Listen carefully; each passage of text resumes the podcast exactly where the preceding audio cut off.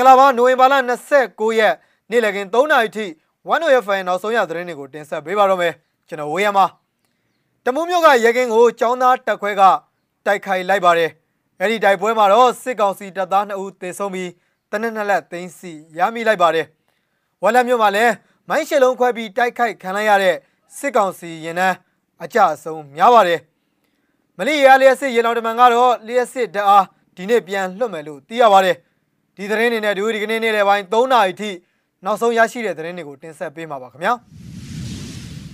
ပထမဆုံးအနေနဲ့တမူးမြို့ကတိုက်ပွဲသတင်းနဲ့စကြပါတယ်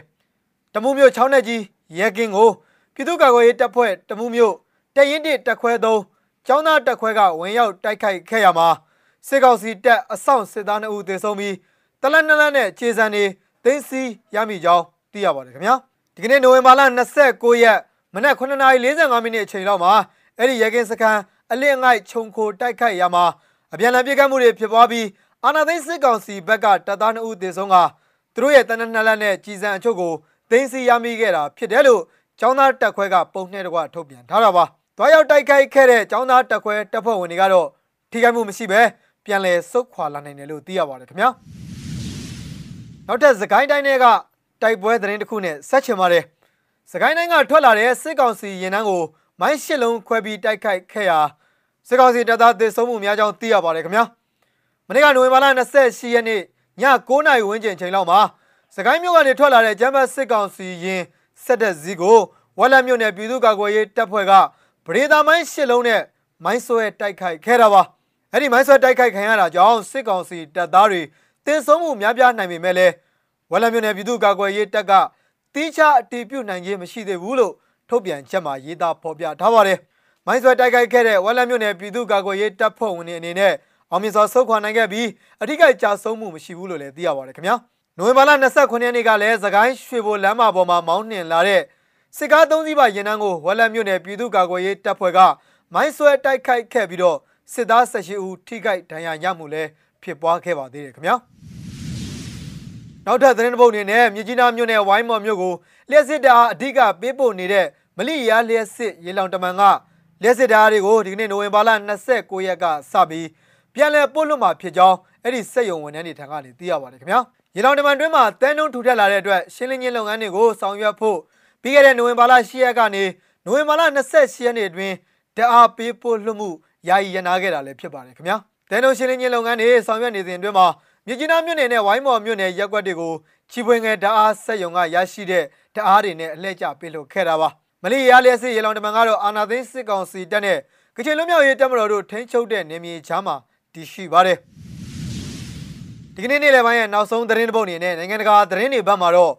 ထိုင်ဝမ်ရဲ့ရွှေမြင်းရုပ်ရှင်ထူးချွန်စုရရှိခဲ့တဲ့ဟောင်ကောင်ဆန္ဒပြရုပ်ရှင်ဆိုတဲ့ AFP ရဲ့သတင်းတစ်ပုဒ်ကိုလည်းဆက်လက်ပြီးတော့တင်ဆက်ပေးကြပါမယ်ခင်ဗျာဟောင်ကောင်ဒီမိုကရေစီလှုပ်ရှားမှုအကြောင်းကိုရိုက်ကူးထားတဲ့ ရုပ်ရှင်ကားတကားကိုနိုဝင်ဘာလ29ရက်စနေနေ့ကထိုင်ဝမ်ရွှေမြင်းရုပ်ရှင်ထူးချွန်ဆုပေးပွဲမှာအကောင်းဆုံးမှတ်တမ်းရုပ်ရှင်ဆုချီးမြှင့်ခဲ့ပါတယ်။တရုတ်ရဲ့အော်စကာဆုပေးပွဲလို့ခေါ်ရမယ့်ဒီပွဲကိုဒီနှစ်မှာလဲတချိန်ကကော်စောနီပေါ်မှာဖျက်လျှောက်ရင်တက်ရောက်လာကြတဲ့တရုတ်ပြည်မကြီးက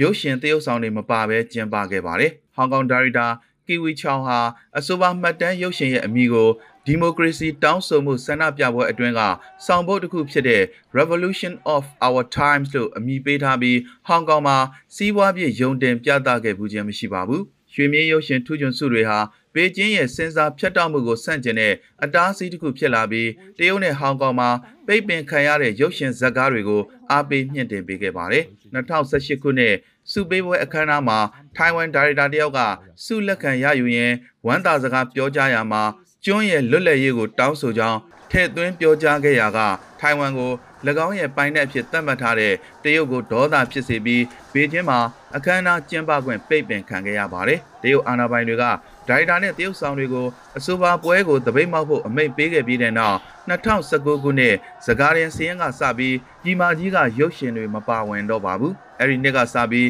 ပြည်မာကြီးကရုပ်ရှင်တွေနဲ့အချို့ကြောညာရှင်တွေဟာပြောင်ပြောင်တင်းတင်းလမ်းခွဲသွားခဲ့ကြပါတယ်။တိုင်ပေမှာပြုလုပ်တဲ့အခမ်းအနားကို ထုတ်လွှင့်ပြသတဲ့ဗီဒီယိုတစ်ခုမှာဒိုင်တာချောင်ကစုလက်ခံရယူပြီးအမှတ်တရဝမ်းသာစကားပြောကြားရမှာ၎င်းရဲ့ရုပ်ရှင်ကိုကိုကျမကိုဖန်တီးခွင့်တရားမျှတမှုနဲ့ဟောင်ကောင်အတွက်မျက်ရည်ကျခဲ့ရတဲ့ဟောင်ကောင်သားတွေအတွက်ရည်ညွှန်းလိုကြောင်းပြောကြားခဲ့ပါတယ်။ရုပ်ရှင်ရိုက်ကူးချိန်မှာအကျဉ်းချင်းငိုကြွေးခဲ့ရသလိုကျွန်တော်ရဲ့ဒေါသနဲ့အမုန်းတရားတွေကိုမျိုးသိပ်ပြီးဒီဇက်ကားကနေတဆင့်အကြောက်တရားနဲ့စိတ်ဒဏ်ရာတွေကိုရင်ဆိုင်ခဲ့ရပါတယ်လို့၎င်းကဆိုပါတယ်။ချောင်းဟာ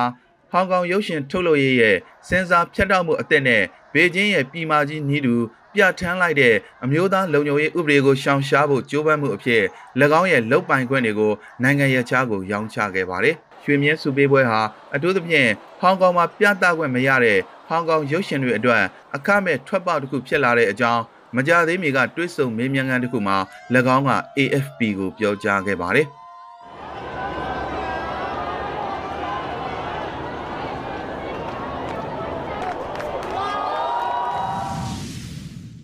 နိုဝင်ဘာလ29ရက်နေ့လည်ခင်း3နာရီထိနောက်ဆုံးရရှိခဲ့တဲ့သတင်းတွေကိုတင်ဆက်ပေးခဲ့တာပါခင်ဗျာ။ One Way FM ကိုစောင့်မျှော်နားဆင်ကြတဲ့ပြည်သက်ပေါင်းကိုစိတ်နှပြချမ်းသာချမ်းသာကြပါစေလို့ဆုမွန်ကောင်းတောင်းလိုက်ရပါတယ်။ထူးခြားတဲ့သတင်းတွေနဲ့အတူကျွန်တော်တို့မကြခင်မှာပြန်လည်ဆုံတွေ့ကြပါမယ်ခင်ဗျာ။